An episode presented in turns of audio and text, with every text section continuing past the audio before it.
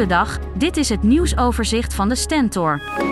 Een meisje uit Schalkhaar is vanmorgen met haar fiets bekneld geraakt onder een trekker.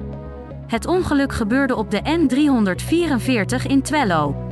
Het 14-jarige slachtoffer is met spoed met een ambulance naar het ziekenhuis gebracht. Over de ernst van de verwondingen is niets bekend. Is de IJssel te redden voor de binnenvaart? Die vraag houdt de sector en steeds meer onderzoekers bezig. Branchevereniging Koninklijke Binnenvaart Nederland denkt de oplossing te hebben met een spectaculair plan. Ingenieur Cas Gooselink uit Deventer maakte een plan voor een kanaal naast de rivier.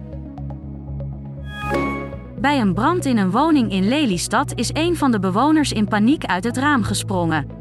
De brand ontstond in een bijgebouw dat tegen het huis aan de galjoen staat en vervolgens overgeslagen naar de woning zelf. Het slachtoffer is ter controle naar het ziekenhuis gebracht. De schapenziekte blauwtong rukt snel op in Gelderland. Er zijn in de afgelopen weken vijf gevallen vastgesteld in de provincie.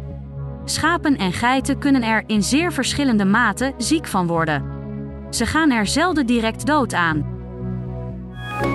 De basisverzekering van zorgverzekeraar DSW stijgt in 2024 met 11,50 euro per maand naar 149 euro.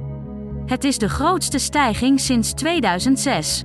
De zorgverzekeraar is bezorgd. Die denkt dat als er nu niets verandert, klanten over een paar jaar 200 euro per maand betalen. Tot zover het nieuwsoverzicht van de Stentor. Wil je meer weten? Ga dan naar de stentor.nl.